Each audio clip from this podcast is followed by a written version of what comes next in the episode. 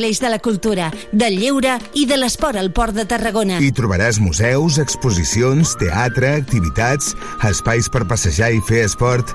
Completa la teva visita amb un tas de la gastronomia marinera del Serrallo. Més informació a porttarragona.cat. Avança't a l'estiu i reserva l'estada a l'hotel de Meridian Ra. O gaudeix ara dels restaurants davant del mar, de la brisa marina al Beach Club i de la relaxació a l'Explore Spa. No ho deixis escapar i truca al 977 69 42 00 o visita la nostra pàgina web lemeridianra.es. T'hi esperem a l'hotel Le Meridian Ra, al passeig marítim del Vendrell. Cocodril Club. Si t'agrada la bona música dels anys 60, 70 i 80, escolta Tarragona Ràdio les tardes de dissabtes i les de diumenges de 4 a 6. És el temps del Cocodril Club. Tot un clàssic de la ràdio, amb les bases del pop-rock, les llegendes, les cançons que s'han convertit en autèntics himnes. Recorda't, a Tarragona Ràdio 96.7 FM... Cocodril Club, el programa revival de l'Albert Malla. Hasta luego, cocodrilo. No pasaste de caimán. Hasta luego, cocodrilo.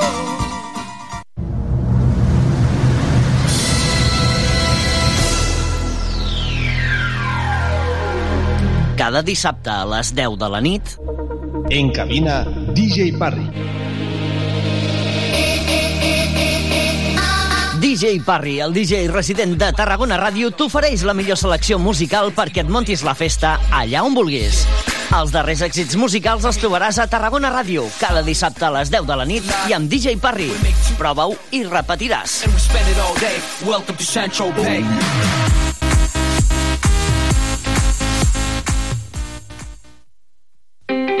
Queda't amb el T de Cultura de Tarragona Ràdio. Totes les setmanes estem d'estrena.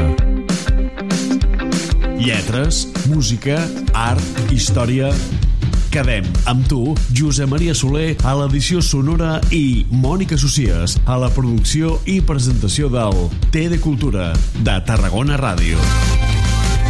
Escolta-ho els dijous, de 8 a 9 del vespre, i redifusió els diumenges a partir de les 12 del migdia. Tothom amb les capacitats. la capacitat de ser diferents, no? de ser persones neuronalment atípiques, però com una condició. Tothom amb la solidaritat. per visibilitzar-nos i per donar-nos a conèixer i fer recerca sobre aquesta malaltia. Tothom amb el voluntariat. Facilitant el nostre dia a dia i la nostra prestació de serveis. Tothom amb les iniciatives socials. poder construir pues això, no? espais sants i positius i a través de l'oci i el temps lliure pues, generar oportunitats. Tothom amb la gent gran. acompanyar aquella persona en unes etapes de la seva vida que també ha de ser gaudir i disfrutar. Tothom amb les persones. Ajudant a les persones amb trastorns neurocognitius que ho necessiten. Tothom amb Miguel González. A Tarragona Ràdio. De dilluns a divendres a dos quarts d'una del migdia. Al tothom de tothom. Tots podem expos estar exposats en algun moment donat a poder patir un, un trastorn. Mira, tio, això és com els chemtrails, fins al clima controlen. I li diuen sequera, tu. Si manipulen el cel com ho fan, com no ens han de manipular nosaltres? Ja, i què em dius de la vacuna? La gent no sap ni què s'ha fotut dintre el cor. Pandèmia. És que es mengen de tot. I el nou ordre mundial, els Illuminati el que volen és reemplaçar-nos, us ho dic jo. Euràbia ja ha començat. És que el govern deixa entrar tothom. Hi ha més terroristes. I les Torres Bessones va ser un autotemptat. O Kubrick, enregistrant l'arribada de la lluna en un plató. És que mai sabrem la veritat. I quan on? D'aquestes i d'altres teories tòxiques solen servir per nodrir discursos d'odi. De la conspiranoia al racisme només hi ha un pas. Cada dijous, de 3 a 4 de la tarda, acompanya'ns per desenmascarar-les al Districte 0, amb Fran Richard.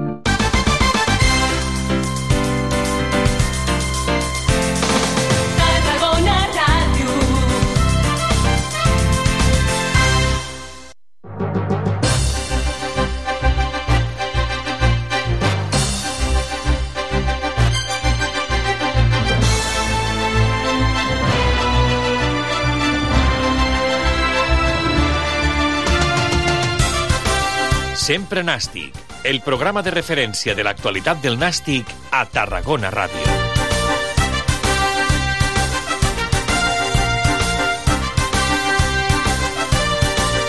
Hola, què tal? Bona tarda, com esteu? Benvinguts a una nova edició del Sempre Nàstic en aquesta trentena temporada del programa a l'antena de Tarragona Ràdio. Edició avui número 7254 del programa corresponent a aquest dilluns 29 de maig del 2023. Fins aquí hem arribat darrera funció del Sempre Nàstic en la seva trentena temporada del programa. Una temporada que ens hagués agradat molt celebrar amb un ascens del Nàstic, però no ha pogut ser. Bé, també la podíem haver celebrat pel nostre compte sense vincular-ho a l'ascens del Nàstic, però tampoc. Res que ens hem quedat al final sense festa en aquest 30è aniversari del programa. 30 anys són molts anys, són moltes vivències, molts partits, molts gols, molts programes. Avui fem el 7.254 i moltes companyes i companys que tots plegats en les diferents etapes del programa hem intentat apropar-vos al Nàstic a casa vostra quan s'ha jugat lluny de Tarragona, apropar-vos al Nàstic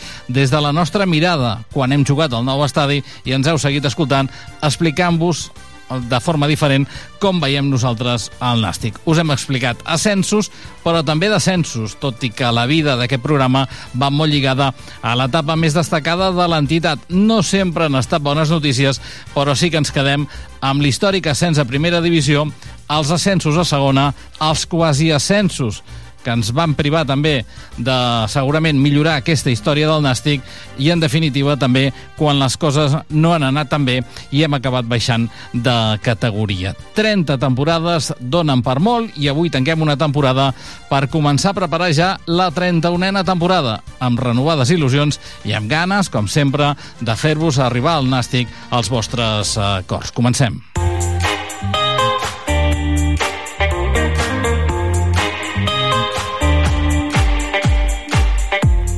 Sempre Nàstic. El semàfor. I anem a posar les darreres notes de la temporada, el semàfor verd i el semàfor vermell, el verd per l'impuls que el Nàstic li està donant al planter gran en les darreres temporades. Aquesta temporada, al primer equip, hi ha hagut cinc jugadors formats a la casa a sota les eh, ordres del primer equip i altres dos han debutat en les darreres jornades. A més, hi ha un sisè jugador que estava en dinàmica de primer equip i que malogradament es va lesionar greument en partit de Copa del Rei. És el cas d'Ivan de la Penya. Els cinc que estan en dinàmica del primer equip, Joan Oriol, Pol Domingo, Marc Montalvo, Dani Parra i Marc Álvarez. Una aposta clara que ha de marcar el camí, el camí que aquesta mateixa temporada han pogut viure Boaz Halivic i també Albert Carol amb el seu debut l'altre dia. Precisament Boaz ha parlat de les sensacions que ha tingut en els dos partits que ha jugat vestint la samarreta del primer equip del Nàstic. Molt, molt, molt content. Al final és un somni, que com ja vaig dir a l'entrevista, és un somni poder jugar pel Nàstic i més a, a casa. I bueno, eh, gràcies a, a, a la situació, 3 euros per davant, una situació favorable i bueno, molt content per poder jugar davant de la, de la meva afició i molt content. Sí, bueno, a la nova de Creu Alta també em vaig sentir còmode, però clar, aquí amb l'afició que ja només a l'entrat comencen a cantar el nom és, un, és una cosa que, bueno, jo no havia experimentat mai i és una sensació única i crec que molt bona per tothom. I el semàfor vermell per la temporada del Nàstic. Ha estat una lliga decebedora pels objectius marcats a inici de lliga per un equip configurat per estar dalt i que en cap moment ha donat la sensació de poder lluitar a la recerca de l'ascens. El director general del Nàstic, Lluís Fàbregas, ha reconegut que no hi ha excuses i que no s'ha estat a l'alçada i que ara això caldrà analitzar-ho i ha avisat ja que hi haurà roda de premsa per valorar la temporada farem el balanç de la temporada. El que és cert és evidència és que l'objectiu que ens vàrem plantejar no, no s'ha complert, era un objectiu doncs, d'estar de, dalt de tot, de poder assolir un ascens de categoria i això t'ho doncs, quedar primer o disputar el playoff, no, no hi hem arribat. Quan no hem tingut a l'abast sempre hem fallat, hem tingut moltes ocasions el fet de guanyar aquell partit i posar-te segon, posar-te tercer, i sobretot partits a casa i quan ha depenut de nosaltres doncs no, no hem donat aquest pas endavant i ens hem quedat, ens hem quedat fora. Doncs una edició del Sempre Nàstic que realitza tècnicament el Lluís Comas amb tota la redacció d'Esports de Tarragona Ràdio. Us parla Jordi Blanc. Dues de migdia, 10 minuts, pausa per la publicitat. De seguida entrem en temps de tertúlia.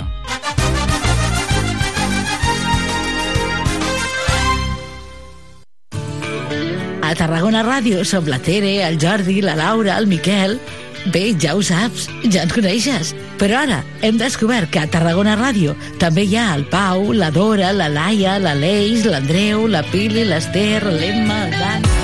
40.000 oients ens escolten cada mes. 31.000 descàrregues de podcast. 7.700 oients cada dia. 11% de share a la ciutat. 29.000 seguidors a les xarxes. 97.000 hores d'escolta en streaming. 6 de cada 10 tarragonins us informeu amb nosaltres. La Maria Dolors, la Montse... Buah, quanta gent!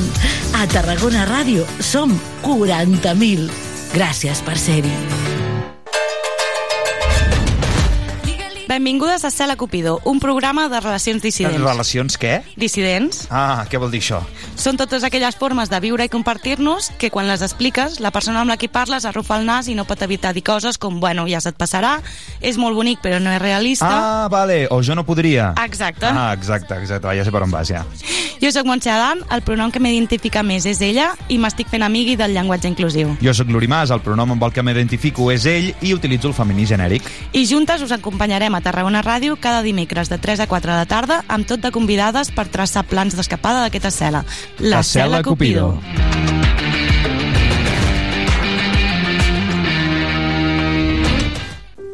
Si et trobes en una situació de violència masclista, truca al 900 900 120 o envia un correu electrònic al 900 900 120 arroba gencat.cat. És un servei confidencial i gratuït operatiu les 24 hores del dia de l'Institut Català de les Dones.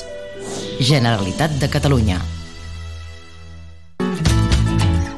Fans de Tarragona amb Sílvia Garcia de 6 a 7 de la tarda de dilluns a divendres una hora per la música de casa Fans de Tarragona a Tarragona Ràdio Tarragona vol ser una ciutat lliure de violències masclistes i LGTBIQ-fòbiques. De tornada a casa, cap persona vol ser valenta, sinó lliure. Prevenció de conductes sexistes a Tarragona. Telèfons d'emergència 092, Guàrdia Urbana. 112, emergències. 900 900 120, línia 24 hores. Ajuntament de Tarragona.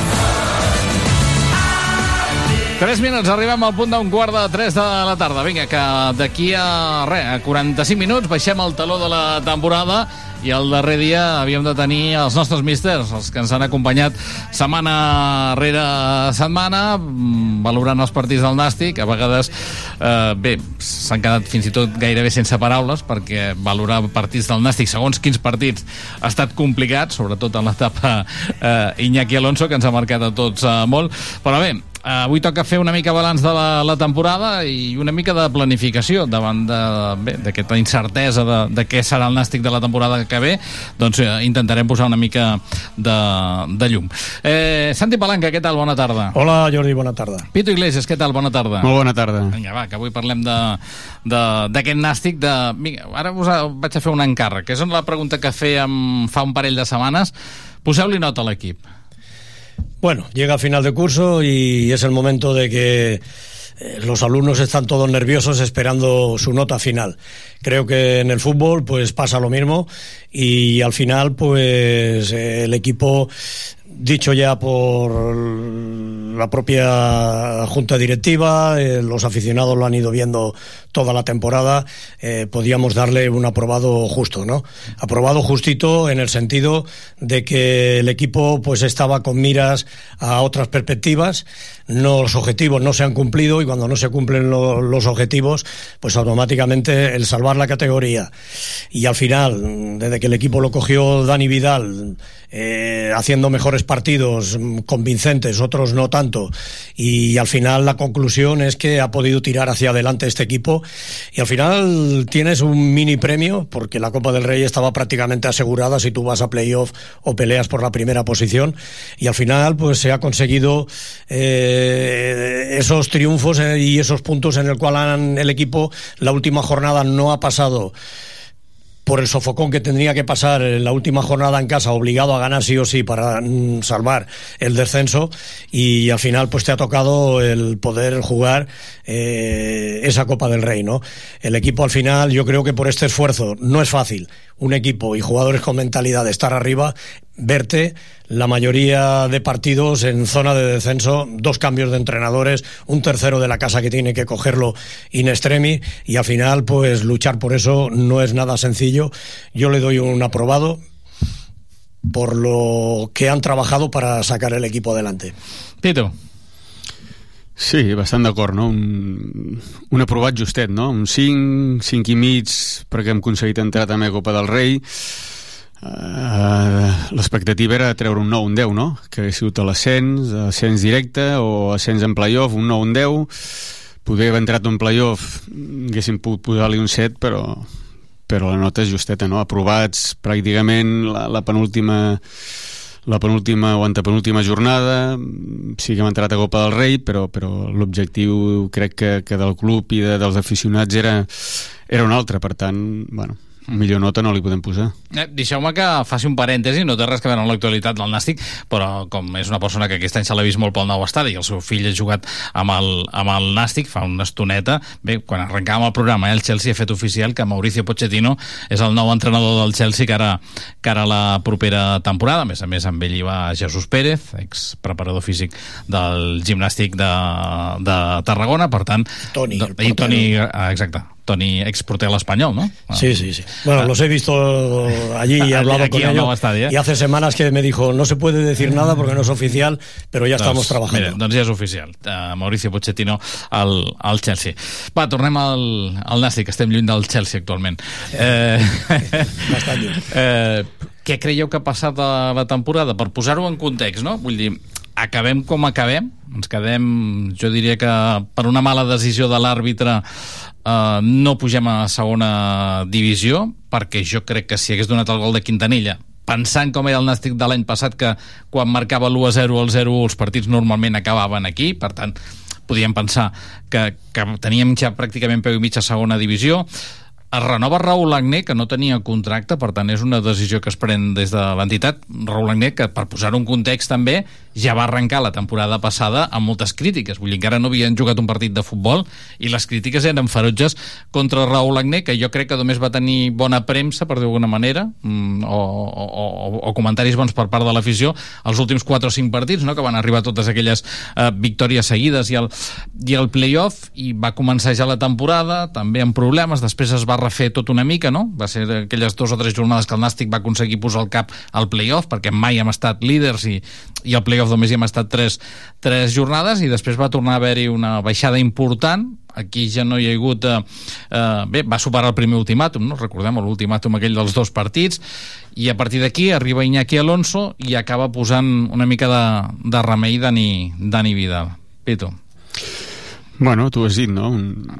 Una muntanya russa de- sí, no? la, la, i tornades. el que diuen els ciclistes, la goma, no? Vull dir, hem anat dos partits bé, tres malament, quatre que em semblava que ens enganxava a playoff, hem tornat a caure, i, i bé, jo, jo crec que es, es va fer un equip pensant que l'estructura defensiva la teníem, no? la teníem i s'havia retocat poquet perquè ja la temporada anterior havia complert i havia funcionat molt bé aquí va caure una peça al mig del camp que jo crec que no, no, l'equip no l'ha trobat no? un jugador que sempre han dit no? que quan t'arriben ja els mitjos o els davanters a, a zona d'atac ja venen una miqueta tocats, no? I, i aquesta peça no l'hem no trobat, no? hem tingut uns mig centros... va caure bueno, Ribelles, va arribar Gorostidi no és el mateix Sí, i no és el mateix. Montalvo és un I- perfil i, diferent I, i no és eh? el mateix, no? I això no ho hem, no ho hem tingut, no ho hem trobat, i jo crec que l'equip va apostar o eh, es va apostar més per buscar jugadors d'un perfil més ofensiu que, que és el que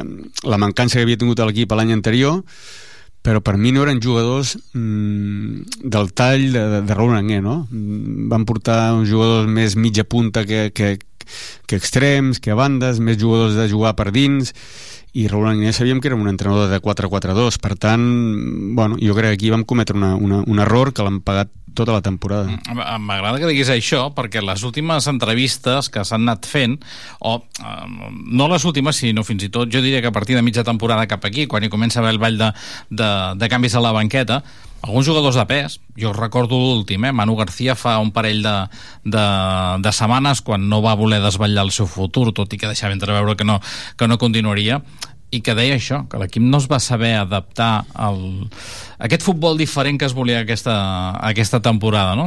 Amb això que deia ara el Pitu també, amb jugadors, perquè tu pots reforçar dalt, no? tenir jugadors més talentosos i tal, has, man, has mantingut el bloc defensiu, però no potser tot l'equip defensava igual com ho feia l'any passat. A ver, yo creo que la lógica hace que tú llegas a una final, te quedas por un gol, por una duda, por un, una decisión arbitral de que es gol o no es gol y, te quedas fuera. Y lo normal se da entre comillas porque es una temporada buena, ¿no? Y, y se puede confiar en el entrenador. Así lo analizó el cuerpo técnico, la junta directiva y al final se accede en renovar a, a Agné pero estoy convencido, entre comillas, dentro, yo no estoy del club para, para saberlo, pero sabemos o, intuyo lo que puede suceder. Eh, se metió en esa final, la temporada se pudo dar como buena, pero a lo mejor se le exigió que hubiera más fútbol. No tan esperar ese 4-4-2, ceder el campo y en esas charlas que tal, pues vino coma mala y esa exigencia se quiso transformar en jugadores de último pase, del uno contra uno, buscar más las bandas, que solo mm, eran las incorporaciones de los laterales, y también ir a buscar más un 10 metros arriba al, al contrario. Y aquí yo creo que cuando tú tienes que explicar una cosa que no es la tuya, yo si os tengo que explicar aquí a vosotros cómo tengo que planificar esto y los jugadores o vosotros sabéis tema de radio y ya estáis viendo que lo que explico no es muy elocuente, eh, quiere decir que el mensaje no me está entrando a mí bien. Entonces, bueno, vamos a ver cómo sale el programa, pero esto no, no pinta bien. Y yo creo que esa es la sensación que ves desde fuera, que los jugadores nunca manifestaron eh, ese cambio, no ese rol de querer jugar eh, dando más brillantez al juego, ir a buscar más arriba al equipo. Y aquí pues Raúl Arné hizo 40.000 variantes, volvió a lo suyo otra vez, el equipo recibía goles, no había muchas dudas si apretamos arriba, si esperamos abajo, vamos a volver a lo de antes.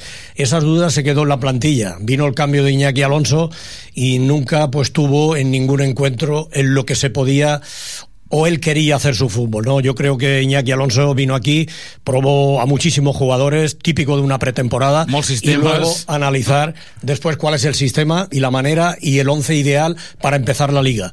Pero no se daba cuenta que llevaba ya 6-7 partidos y que realmente los 18 puntos poco bagaje era y la sensación era muy pobre. Se accedió pues a, al cambio de entrenador por un hombre de la casa, conocedor, trabajando con Raúl Arné y su pensamiento y su idea es del 4-4-2 a lo que la plantilla estaba en el rendimiento más amplio y- y mejor en condiciones. Y a partir de aquí, pues se ha ido haciendo alguna variante, pero se ha mantenido bastante el bloque y sobre todo el sistema de juego. Y esto es lo que le ha dado al equipo más consistencia y al final ha podido eh, conseguir esos puntos salvando y no haciendo una campaña como todos esperábamos, porque era otra, pero al final ha podido salvar eh, gracias a, a esta manera de, de, eh, de pensamiento de cómo tenía que ser un equipo y pensar este equipo está hecho para jugar de esta forma, ¿no? Ah, segurament que el Nàstic ara que hem vist de Dani Vidal aquestes darreres jornades, no? 13 partits, 7 porteries a 0, és el fidel reflex del que era el Nàstic de l'any passat de, de, de Raúl Agné. Eh, creus tu, Pitu, que bé, que ha estat ha estat, és evident pel que, pel que ara deia el Santi, pel que hem vist tots, pel que deia Manu García, pel que han dit altres jugadors, que, que ha faltat aquesta, aquesta entesa no? entre el director esportiu, que és qui va configurant la plantilla i qui fitxa eh, doncs, a tots aquests jugadors que en teoria sí que li havien de donar una quali major qualitat a, a l'equip, però el que és Raúl Agné com a entrenador, tant el Santi que s'hi ha enfrontat amb ell, com tu que vau ser companys de promoció, eh, bé, Raúl Agné és el que és. Clar, i això, això estic molt d'acord amb, amb Santi, no? Sabem com treballa Raúl Agné, la idea de futbol que té Raúl Agné, per tant, si tu renoves a Raúl Agné, mm, els jugadors que tu, el director esportiu que renova a Raúl Agné mm, té que ser conscient dels jugadors que necessita. No pots fitxar tu jugadors amb un pensament que tens tu més poder més ofensiu o més de toc o més tindre possessió pilota i renovar Raúl Agné vull dir, primer tenir que saber que és el director esportiu. El director esportiu té que amb les seves idees té que fitxar un, un entrenador que, que cregui amb, amb, amb les seves idees. I a partir d'aquí fas uns jugadors que s'adaptin a, la, a la idea de joc que té aquest entrenador. I jo crec que s'ha construït una miqueta com deia Santi, no? intentar millorar una miqueta perquè els partits bueno, eh, que hem viscut els dos últims anys pues, no han sigut espectaculars a, a, a, com a nivell futbolístic no? i bueno, l'afició també li agrada anar al camp i disfrutar s'intenta canviar això però mm, no s'ha canviat la, la, o no s'ha agafat un entrenador amb les idees que es volia transmetre a l'equip, per tant jo crec que aquí és un dels errors Mm. Veurem, veurem com s'hi posa remei aquesta propera temporada, perquè, clar, ara és una incògnita saber què, què passarà, eh? des de dalt de tot, perquè la rumorologia, no? Vull dir, ara hi ha molt, molts, uh, molts inputs de molta gent que et diu que si hi haurà canvis, si no hi haurà canvis. De moment, l'únic que sabem és el que va dir el director general del Nàstic a la prèvia del partit del passat cap de setmana, que es faria una roda de premsa per bé, valorar la, la temporada, que lògicament ella pensava que la, que la temporada no havia estat bona, però és evident que la temporada no ha estat bona perquè tota l'equip sempre s'ha dit no? que havia d'intentar lluitar per pujar a segona divisió o per fer, o per fer, per fer el playoff d'entrada, independentment de, de si hi ha canvis o no, o no hi ha canvis, una gran incògnita saber què passarà amb Dani, amb Dani Vidal. Li van preguntar a Lluís Fàbrega si no ens ho va acabar de, de clarir del tot. Jo crec que més aviat va llançar pilotes fora. Què creus que, que pot pasar, Santi? Bueno, yo lo, lo primero es lo que comentas y yo creo que lo principal es el club. ¿Qué va a hacer? Eh, interiormente, eh, lo que es la junta directiva con el inversor, cómo va a quedar el club, quién tiene que tomar las decisiones, todo esto antes de tomar decisión deportiva de quién va a estar, quién no va a estar, de entrenador, a quién cogemos de director deportivo, cómo va a, a- primero tenemos que empezar cómo, ah, cómo és vamos a caminar. Actualment hi ha Sergi Parés, però acaba contracte el proper 30 de juny, també. Sí, pero es que aquí, aquí vamos de golpe a, a buscar a ver el director deportivo y a ver el entrenador si se queda o no. No, lo primero, lo principal para tomar esas decisiones es cómo va a quedar el club. Cuando el club ya se manifieste cómo va a quedar, entonces me imagino que ya ellos van a tomar una, pensarán, pues mira, el club va a quedar de esta manera, el consejo ha determinado esto y esto. Y ahora a partir de aquí vamos a empezar a andar con el tema deportivo. Y el tema deportivo es que deja muchas dudas, se hace todo con la buena intención, no es criticar ni, ni decir, pero son cosas consecuentes que esto al final lleva a sus más y sus menos, ¿no? En el sentido, eh, tú tienes a Comamala, que eh, es una persona de la casa que lleva años, que está ahí de coordinador entre el fútbol base, la Pobla, el filial y el primer equipo, que es el que está en, en consonancia con el primer equipo. Al final le traes y no confías en él al director deportivo Sergi Parés. Sergi Parés está dos temporadas, pero ahora sí que confío en, en Comamala, lo traigo y ahora relego al sitio que va a Parés. No funciona, ahora Comamala se va y Parés, que estaba ahí relegado, ahora vuelve a coger otra vez. Esto es inseguridad. Esto, si nos ponemos a pensar, decimos, bueno, ¿dónde estamos? Sí, fácil decir, bueno, es una situación de movimientos, no. Es una situación que ya genera desconfianza. Y esto es muy serio. Entonces, a partir de aquí se han ido haciendo parches, ¿no? Y estos parches, pues al final llevan que el equipo, los objetivos, sea difícil de conseguirlo. Por eso digo que primero eh, hay que consagrar y, y saber la junta directiva el camino, el rumbo que va a tomar junto con inversor, cómo queda el club, el presidente, la decisión junto con el consejo que van a tomar y a partir de aquí pues replantearse qué es lo que tienen que hacer, pero lo que tengan que hacer, que lo hagan con seguridad, que no tengan dudas. Si es Sergi para el que se tiene que quedar, pues bueno, pues una idea que tenga que ser Sergi para si ha de ser otra persona. Dejar ahí que no es nada fácil, no es nada fácil, y de las cosas como se han hecho últimamente, pues toda esta explicación que he dado, ahora te vas, ahora te vienes, ahora te cojo, ahora tú si me sirves, ¿no? Eh, ha sido un plazo de tres, cuatro temporadas. Y claro, esto al final hace mella en un equipo que, que lo que urge y quiere és estar arriba en la segunda divisió. Mm, Diem inputs que van arribant, eh? Jo, personalment, penso que hi haurà, bueno, no sé, anava a dir que crec que no hi haurà cap moviment en el Consell d'Administració, però bé, millor n'hi ha, eh? Però no tinc tan clar, no tinc tan clar que hi hagi moviments, a més pensant que l'accionista de referència, en principi Fred Wester, eh, té el 20% de les accions, que ja fa temps que, que les té, i té aquests dos préstecs que en principi són, se li han de retornar o se li han de convertir en accions a l'abril de l'any que ve a l'abril de l'any que ve el Nàstic podrà valorar allà on estic, no? si estic lluitant pel descens ja poden començar a espavilar, a tornar-li els calés o buscar una ampliació de capital o senzillament convertir-li amb ell les accions en capital i llavors seria l'accionista majoritari sempre que no hi hagi ampliació de capital o que estiguis en una posició de privilegi, no? Que després la, la pel·lícula canvia una mica. Per tant, per això tinc els meus dubtes de que, de que, de que hi hagi canvis estructurals en el si de la societat anònima esportiva. A partir d'aquí, a l'estructura esportiva ho tinc claríssim que hi haurà canvis perquè és el que ens hem acostumat temporada rere temporada. Sí, jo primer crec que les presses són dolentes, no? Per tant, I mira que tenim un estiu llarg aquest, eh? perquè pensa Sí. que des del darrer partit de Lliga fins al proper de la propera temporada seran tres mesos. sí, sí, però jo quan te parlo de presses no vol dir que tenim que pujar sí o sí l'any que ve. No, no, clar, clar. Bueno, Mm, és que aquí- aquest discurs potser també ha de canviar perquè el pressupost també baixarà. Bueno, el pressupost baixarà, però al final tampoc... Evidentment el pressupost és, és un tema importantíssim, no? Però ja veiem que hi ha, hi ha equips que, que amb la meitat de pressupost o amb una quarta part del pressupost fan la feina ben feta, no?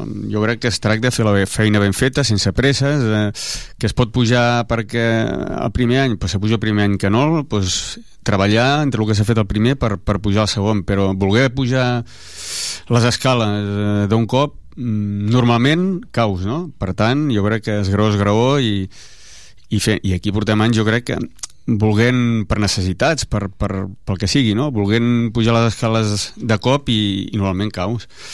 Per tant, bueno, un director esportiu amb el que se confiï, aquest director esportiu tindrà que decidir qui és l'entrenador mm, de l'equip i s'haurà de confiar en aquestes dues persones per, per configurar una plantilla pues, per intentar eh, l'ascens, que no vol dir que sigui prioritari, però intentar-ho. Mm, Fer un bon equip i, i, bueno, i, i poder doncs, eh, plantar cara al, al campionat i, i com a mínim intentar entrar al playoff, al playoff no? però sense presses i amb, i amb les idees clares de, de què es vol fer no? mm, jo crec que, Sí, que, que ha d'anar per aquí El Nàstic, eh, arrel del darrer ascens de segona A a segona B, eh, bé, ha tingut urgències, presses, perquè aquesta categoria no deix de ser l'antiga segona divisió B i aquesta propera serà la cinquena temporada seguida que l'equip estarà a la... Bé, estarem a la primera ref, però no deix de ser la, la segona B i, per tant, en aquest segle eh, serà el cop que més vegades estigui fora del futbol professional, perquè ara el màxim que hi havia estat havia estat dues temporades quan va baixar el primer cop i tres el segon, que és l'etapa Vicente Moreno, que vam estar tres perquè a Llagostera les coses no van sortir com tots volíem i vam haver d'esperar una, una, una tercera temporada, però segurament amb el pressupost més baix, doncs igual el Nàstic no, o almenys no, no podrà dir que, que, que el gran objectiu és l'ascens, sinó bé, de mantenir, no? d'anar passant i a veure, què, a veure on ens porta, perquè, com tu deies abans, equips amb menys pressupost poden pujar i altres equips, no cal anar massa lluny, eh? el Deportivo La Corunya eh, l'any passat no va pujar com nosaltres i aquest any, de moment, la primera eliminatòria ja la té complicada. Eh? Després el futbol passen moltes coses, però té la tornada a Castàlia i no ha aconseguit l'ascens directe, quan els seus veïns del costat, de Ferrol, sí que amb menys pressupost, amb menys gent darrere, doncs han aconseguit l'ascens l'ascens directe. No? Sí, y recordar que Racing de Ferrol lo eliminamos nosotros en la semifinal Sí, de, sí, sí. de ese playoff, que jugamos la final, y este año han confiado en el mismo entrenador, como hizo el Nasti, que le llegó a la final, ha estructurado, ha mantenido prácticamente el 80% del bloque, unos retoques, y bueno, pues les ha Però llevado... no s'han posat nerviosos, este Santi. no, no, és, el tercer, és la tercera temporada de Sí, Cristóbal, de Cristóbal Parralo. La Parralo. primera no va arribar al playoff, la segona hi arriba i cauen en semifinals contra nosaltres i, I la, la tercera, tercera ha pujat toca. directe. Sí, és Bueno, el que es te que la- jo, no? Pas a pas. Es que es la mejor manera. Si tú estás ahí arriba, que es lo que se intentó con Raúl Ané, bueno, estás aquí, ¿qué tal? Pero bueno, dentro de la idea de, de Raúl Agné, yo creo que se fue lejano a lo que él es, como decía antes, eh, en su idea de juego, se ha querido variar y a lo mejor con Cristóbal Parralo era su idea, me faltan estos retoques y luego ha ido dando las pinceladas en, tres años y el equipo ha estado arriba. Quizá pues la exigencia y el nombre y la etiqueta de equipo que más urgencias tiene para subir a segunda A, la presión no es la misma de Racing de Ferrol que el Nasti. En esto podemos estar de acuerdo que esa, ese nerviosismo, esa tensión es más difícil soportarla en el Nasti que no en el Racing de Ferrol. Pero bueno, es un ejemplo que podemos tener ahí como en marco de que se ha confiado y en ese plazo, si llevamos cinco años prácticamente, pues mira, aún sobran dos años. En tres años, con paciencia, con esa tranquilidad, el equipo hubiera, hubiera conseguido el ascenso. No? Eh, vosaltres dos sou bons coneixedors del futbol del futbol base. Mm, aquesta temporada hi ha hagut cinc jugadors formats al planter del Nàstic en el, en el primer equip, etapes diferents, eh, que Joan Oriol està de tornada, per dir d'alguna manera, però està Pol Domingo, que diguem-ne seria una mica dels veterans no?, d'aquesta fornada, i després aquest any la, la irrupció de Dani Parra, de Marc Montalvo i de Marc Álvarez, a més a més el debut en les darreres setmanes de, de Boaz Halevik i Albert Carol, que va debutar l'altre dia, i no em voldria deixar a Ivan de la Penya, que era un jugador que estava plenament en dinàmica del primer equip, però que malauradament en Copa del Rei es va lesionar de gravetat i per tant va, lògicament no, no, no, no, ha pogut, no ha pogut participar. Uh, aquest ha de ser una mica el futur de, del Nàstic, formar aquests jugadors, d'anar donant oportunitats, que puguin anar demostrant la seva, la seva vàlua i, lògicament, el que no tinguem aquí, anar-ho a, buscar, a buscar fora, però no anar a buscar fora el que la millor, si mires enrere, ho pots trobar aquí. Evident, no? Jo crec que... Deixat escapar molts jugadors interessants, eh? Clar, és que, és que anava, que jo anava per... setmana puja jo, a primera divisió, jo, eh? Jo anava per aquí, Palmes, jo anava Sergi per Cardona. aquí. Jo anava per aquí, vull dir... Sergi tu tens que confiar... Sí, Cardona lo cuento como anécdota, pero cuando llega eh, Enrique Martín, yo estaba allí colaborando con el Nasti, no, no tomar decisiones tal, y le dije, hay un jugador que es edad de juvenil, ¿no? digo que este es jugador de primera división. Y bueno, lo subió, estuvo entrenando, le gustaba tal, pero bueno, la necesidad y las urgencias, pues eh, se quedó cortado y luego no tuvo esa continuidad que ahora ha subido, como bien dices, y lo ha demostrado en Las Palmas porque tenía, era un jugador que se veía venir con proyección. Sí, eh, el, el, el futbol base també l'has de tractar amb, amb paciència, no? El que dèiem, no, tu no pots pujar un jugador un partit, el tires dels lleons i, i ja està, no? I, i si l'equip perd, doncs aquest jugador al fons, no? Mm, Jo crec que s'ha fet bé amb el cas de, de Pol Domingo, que és un jugador que van entrant a poc a poc, van agafant confiança, se li porta ja, no sé, la tercera temporada, no? Mm, Poquet a poquet, s'ha fet important dins de l'equip. Montalvo és un jugador que va començar a entrar a minutets, a poc a poc, ha anat agafant la dinàmica, s'ha fet titular indiscutible i jo crec que és un jugador amb, amb, avui en dia jo crec que és el jugador que té més projecció de, de, de l'equip, diria que jo, no? t'afegeixi una cosa. I amb cartell, eh? Jo crec que Per- bueno, per Montalvo això et dic. eh, actualment té un valor de mercat de 100.000 euros, té contracte amb el Nàstic perquè el va renovar l'estiu passat fins al juny del 2026 i jo crec que hi ha equips de primera i de segona que van darrere d'ell, sobretot alguns Filials, importants no? pel filial, filials. exacte. Sí, tiene per la- tant, no sé si Montalvo veurem la temporada Bueno, que ve però, aquí a però, Tarragona. però, però per això et dic, si no està, doncs deixarà un bon remanent econòmic, no? Eh, no està, eh, està Marc Álvarez, que també, bueno, ha tingut problemes de lesions, però és un jugador que ha anat agafant minuts, eh, s'ha fet jugador del primer equip, i, i amb la resta s'ha de fer el mateix, no?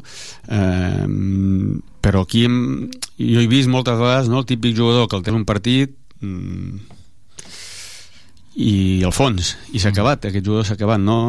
el futbol base els jugadors els han d'anar pujant amb, amb, amb mo- moments, sí. partits de copa partits donant minuts i que el jugador vagi agafant dinàmica i personalitat dins, dins del primer equip i han passat molts jugadors al llarg de les darreres temporades, Santi, que que de, pel que han demostrat dius, ostres, si això segurament que ho tenim a casa, no cal anar a buscar Sí, fora jo o sigui, creo- has d'anar a buscar fora el que realment no puguis tenir tu aquí, no? Yo creo que la categoría que jugamos, la obligación de que tiene que haber unos jugadores menores, creo que es imprescindible, es que tienen que ser de casa. Nasti tiene que coger y ahora está en el buen camino porque la dinámica de los jugadores que han nombrado eh, van a estar ahí y esto conlleva a que ese margen de jugadores jóvenes los tienes que nutrir en tu cantera, irlos sacando poco a poco. Y, al final tú tienes que contar pues que si tienen que ser 18 o 20 jugadores eh, profesionales o semiprofesionales que vengan para la exigencia, lo que tienen que ser, pero tú es imprescindible que esos cinco o seis los tienes que tener cada año, cada año de, de la cantera, porque para eso se trabaja. Y no buscar a lo mejor jugadores, eh, los jugadores de, de, los filiales es muy difícil que se les escapen y que lleguen al Nasti un Mirlo Blanco sí que puede pasar, pero es complicado, es complicado. Entonces, lo mejor es que tú los trabajes, los saques y luego le sacas beneficio como se, estamos comentando del caso Montalvo, que tiene una edad de filial y lo normal, que es un jugador que ha ido creciendo a medida que ha ido la temporada, que pueda tener posibilidad de ir, pues bueno, pues pueda ser un Valencia, un Villarreal, un Barça B, un Español. Bueno, son jugadores que, que se buscan y él ha demostrado que tiene condiciones y cualidades para poder estar ahí y a más a más le sacas un rendimiento. Uh -huh. eh, traspasar a un jugador ya hecho veterano que te venga, no, va, no vas a pensar que me salga bien, voy a hacer una inversión, que me meta goles y si no me los metes nos va a condenar y no vas a ganar dinero con él. Una inversión. Tipo, yo, por ejemplo, eh, como se hizo con el jugador del Lleida, con Martín, sí. el, el, jugador del Lleida que se hizo, que se hizo con Alex del Valencia. Yo, yo esta inversión no la puedo hacer porque son jugadores que sí, te pueden ser, no te pueden ser, pero un Nasti no se puede permitir eh, el pagar 150.000 euros eh, por un jugador que te viene con una edad determinada ya. No. Eh, tú haz la inversión de los que saques y vende. Luego haz el margen para poder jugadores que te puedan ya semiprofesionales o profesionales para rendirte. Pero a más a más de un gasto alto y encima a más a más le has de pagar una compensación al otro club para que venga, esto es un mal negocio. Y si no las pruebas me remito que hagan resumen de estas compras que han hecho, cuánto han recuperado. Puede ser de que en algunos sí, no estoy al día de, del tema, però jo crec que hi ha més que ganàncies. Eh, repassem una mica plantilla, a veure què, què, què us sembla. Eh? Recordem que eh, a la plantilla del Nàstic hi ha quatre jugadors que, que finalitzen contracte, d'aquells que no tenien opcions, ara us explico lo de les opcions, eh? però hi ha quatre jugadors que, que acaben, que acaben contracte, eh, era, a veure, era el cas de Nil Jiménez, Javi Bonilla, Pedro del Campo, Robert Simón i després ha Eric Montes, que està cedit per l'Albacete i per tant ha de tornar al seu, al seu equip. Eh? Aquests eh, cinc, per dir-ho d'alguna manera, no tenen cap mena de vinculació amb el Nàstic a partir de, de, del 30 de juny. Després eh, hi ha set jugadors que tenen opcions. L'únic que la compleix és Joan Oriol, perquè era opcions per partit, la resta crec que totes anaven molt lligades a pujar de categoria, per tant no s'han pujat, per tant eh, poden marxar i jo crec que un exemple molt clar és Manu García quan al final del partit es va posar al mig del camp a aplaudir a la grada i era un gest significatiu de que, de que s'havia acabat la seva, la seva etapa al Nàstic. Aquí trobaríem a Marc Trilles, Quintanilla, Josema, Àlex Tirlea, Mauricio Pochettino i Guillermo i a partir d'aquí hi ha 10 jugadors que tenen contracte, que en principi haurien de continuar al Nàstic, que és el cas eh, de, de Marc Fernández, és el cas d'Aaron Rey, Pablo Fernández, Andrei Lupu, Ander Gorostidi, Marc Montalvo, que dèiem ara, Pol Domingo, Joan Oriol, Dani Parra, i després estan els joves, eh? Marc Álvarez, Boaz, Querol i tres jugadors que tornarien al Nàstic després de la seva sessió, que són Pol Ballesteros, el porter Sheikh Sark i Òscar, Òscar Sanz. ¿Qué? ¿Se en quedemos algún? No? Bueno, a ver, la, Porque, claro, la, situación hay que trabajarla muy, sí, muy sí, profunda sí. y para eso. Yo sé los nombres ahora, ¿eh? Las personas, no, no, tú has hecho la relación, cómo, cómo queda la plantilla en, a partir de, de ya, ¿no? Y a partir de ya, pues hay que ponerse a trabajar y analizar pues qué es lo que tienes y yo creo que, que en la plantilla y dada la situación que hay no queda nadie ni de los que tengan contrato, los que finalizan y los que tienen todavía eh, de cesiones que venir y tal, exento de que pueda ocurrir algo. Y algo quiere decir que se puedan quedar o no se puedan mm. quedar. El equipo no ha hecho una temporada para decir, oye, quitando los jóvenes que hemos hablado, los demás... Eh, es para hacer un estudio y decir qué quiero, lo que me han rendido y qué me puedo quedar. A ver, el ejemplo que has puesto de Joan Uriol, yo creo que Joan Uriol no hay que mirarle el DNI fue lo que es fuera del campo. Creo que se lo ha ganado y para mí no hay discusión. Es un jugador, además de la casa, y yo creo que se merece ante todo el, el estar ahí y que continúe.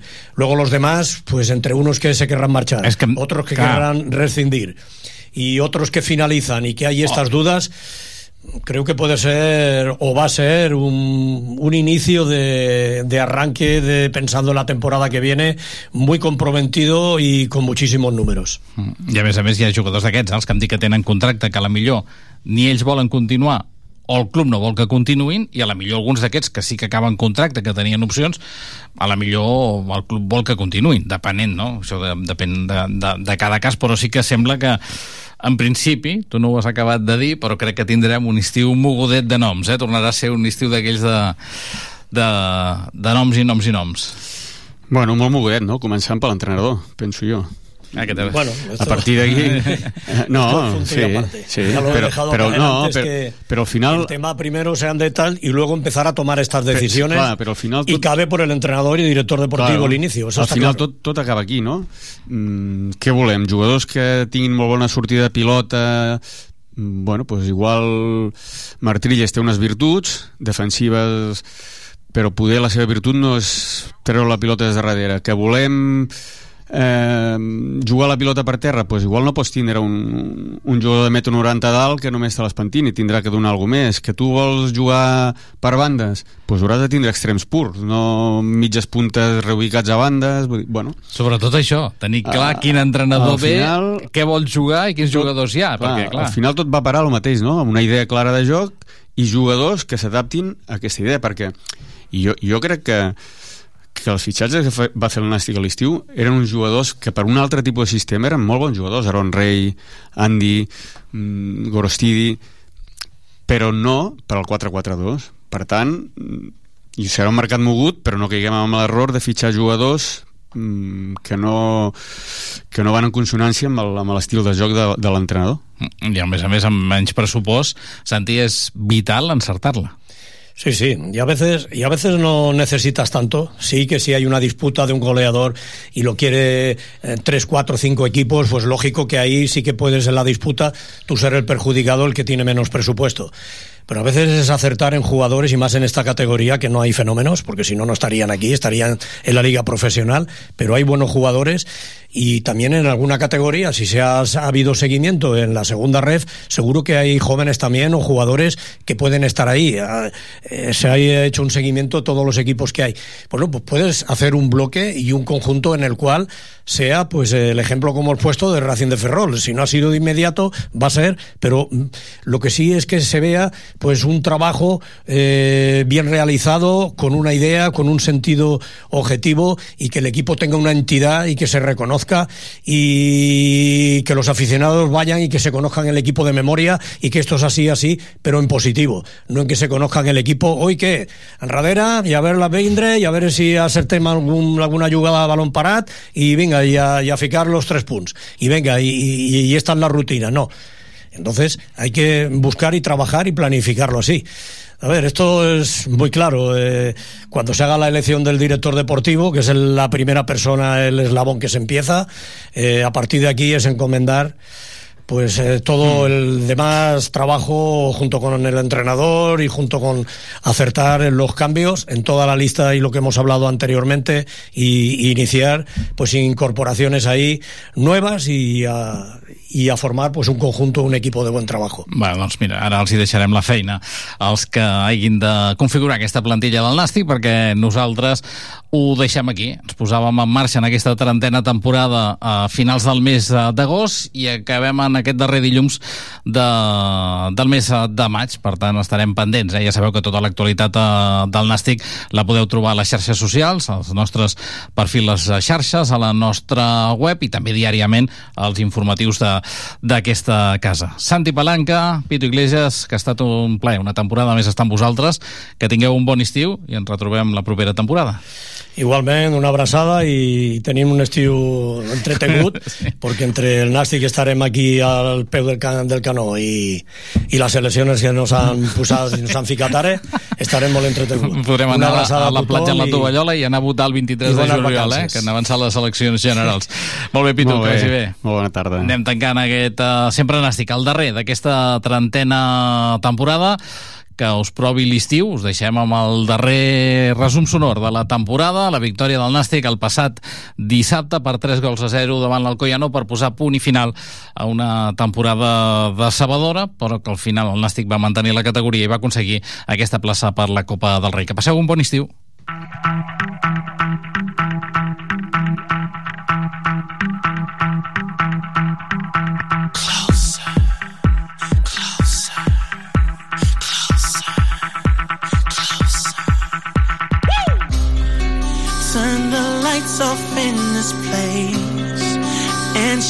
shines just like a star.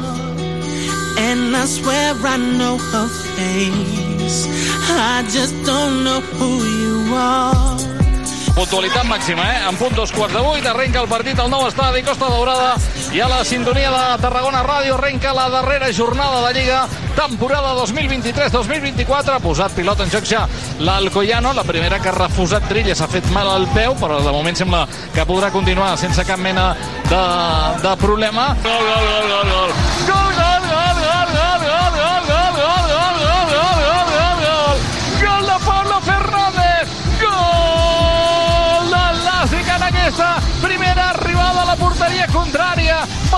Defensiva de l'Alcoyano. Queda la pilota morta. L'enganxa Pablo Fernández. Li posa el pal llarg de la porteria defensada per Tomàs. Gol matiner al nou estadi. Minut i mig de partit. Marca Pablo Fernández.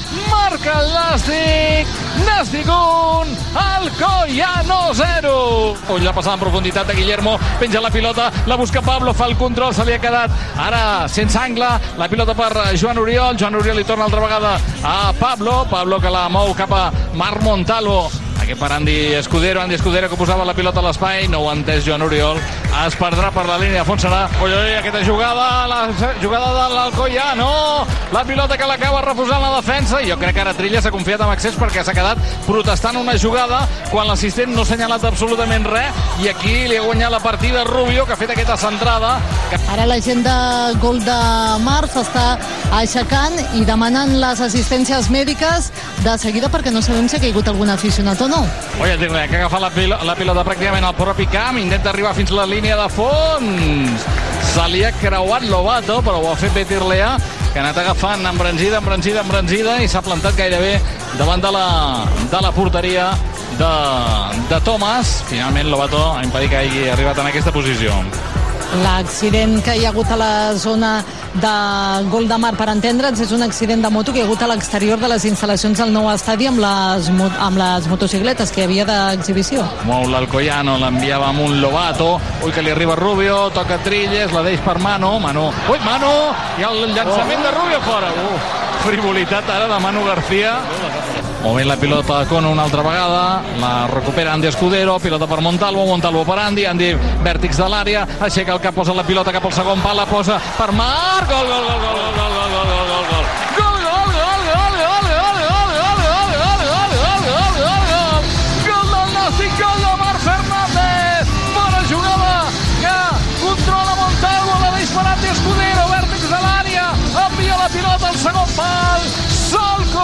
mussol Marc Fernández per marcar el seu quart gol amb aquesta mitja temporada amb la samarreta del Nàstic. Marca el Nàstic 23 de la primera meitat. Marca Marc Fernández. Nàstic 2, Alcoyano 0. Tram, pilota per Gorostidi a la frontal, ho pot provar des d'aquí Gorostidi, llançament, fora!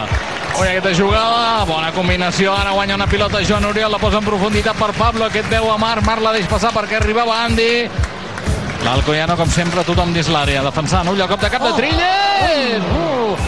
I perquè s'estaven jugant el... Oye, el llançament i el gol de Guillermo. Gol, gol, gol, hat-trick Fernández. Hat-trick Fernández del nou estadi. Ha marcat Pablo, ha marcat Marc i ara ho fa Guillermo.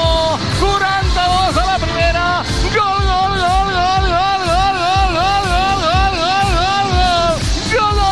Campeón del Pichichi de Guillermo Fernández.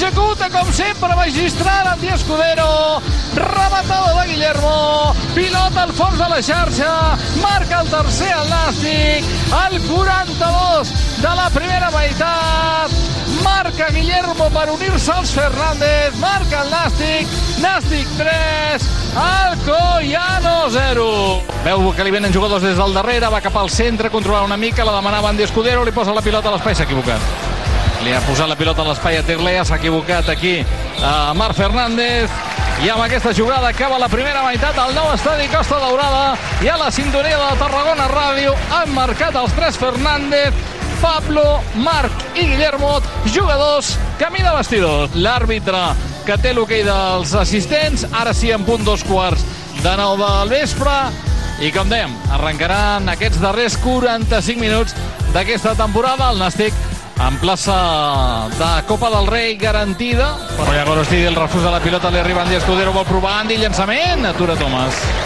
Llançament de la pilota. La penja ara l'Alcoyano, la pilota al segon pal, Manu! La pilota que la tocava Montalvo cap a Andy. Uf, ara Andy volia fer una frivolitat i acaba perdent la pilota que la recupera l'Alcoyano. Aixeca el cap, la busquen cap a Rubio. Rubio que vol marxar de Quintanilla. El llançament de Rubio. La pilota al pal. Oi que va Joan Oriol, doble retall. El llançament, la pilota l'acaba traient. Encara la guanya aquí el Nàstic. I anava amb aquesta pilota Marc Álvarez. L'ha acabat atrapant el porter i posa la cama Marc Álvarez Rubio cobrirà aquesta pilota al carril de l'esquerra per Lobato Lobato penja la pilota, busca el punt de penal Boaz l'acaba de treure bé. El cop de cap és de José Carlos directament a les mans de Manu. Llançament d'aquesta pilota cama cama esquerra, penja la pilota la deixa en profunditat cap a Liberto que ara penja la pilota, busca el punt de penal. Fora, uf Ull, aquesta pilota que se la pot emportar aquí Querol, Ai. li han tret la pilota quan buscava la rematada. La pilota al carril de la banda esquerra vol provar des d'aquí el Nàstic, el Oh! llançament. Ui, la centrada, el cop de cap la buscava Marc Álvarez, l'ha acabat traient la defensa, torna a impactar Tirlea i anava Pochettino, ull a la contra ara de l'Alcoyano. Mira, s'ha acabat s'ha acabat amb aquesta jugada. El partit del nou estadi Costa Daurada la sintonia de Tarragona Ràdio punt i final a la temporada 2022-2023 amb aquesta plaça per jugar la Copa del Rei si no passa res a Logroño suposem que també deu estar a punt d'acabar el partit. Surten els uh, jugadors de, del Nàstic de banqueta Tere. S'ha acabat, es baixa el taló la temporada. Jugadors que van a saludar l'afició des del mig del camp Era la primera oportunitat que tenia el futbol professional com a, com a primer entrenador. Eh, sabia que era molt important aprofitar-la i la veritat que, que molt content, eh, molt agraït eh, a tots els, els jugadors, al cos tècnic, al, al club per donar-me l'oportunitat i el recolzament. Eh, hi ha hagut setmanes bones, setmanes més complicades i, i sempre he sentit a, aquest recolzament de, de tothom. I llavors pues, és que no puc dir una altra cosa. Content i, i agraït Bueno, és molt, molt, molt content. Al final és un somni, que com ja vaig dir a l'entrevista, és un somni poder jugar pel Nàstic i més a, a casa. I bueno, eh, gràcies a, a, a la situació, 3-0 per davant, una situació favorable i bueno, molt content per poder jugar davant de, de la meva afició i molt content. Bueno, sí, el que, el que dius, al final és una temporada irregular, eh, volíem acabar una victòria, per sort s'ha donat que també ens classifiquem per la Copa del Rei l'any que ve, així que, bueno, una alegria extra a aquesta temporada que no ha sortit com, com tots volíem, però, però bueno, acabem amb una alegria que ja, ja està bé.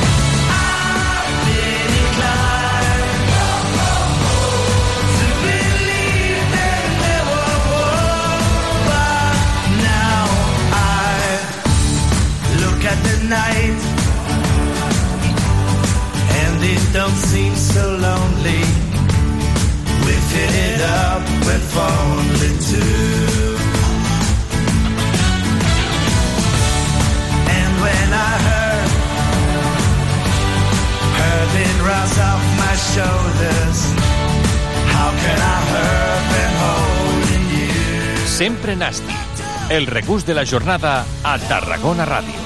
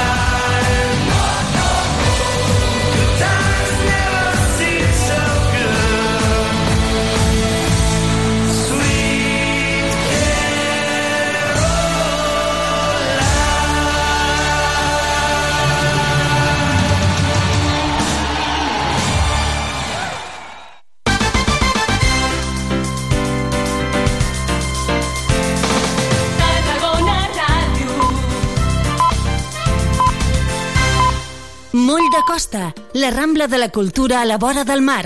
Vine i passeja per l'eix de la cultura, del lleure i de l'esport al Port de Tarragona. Hi trobaràs museus, exposicions, teatre, activitats, espais per passejar i fer esport,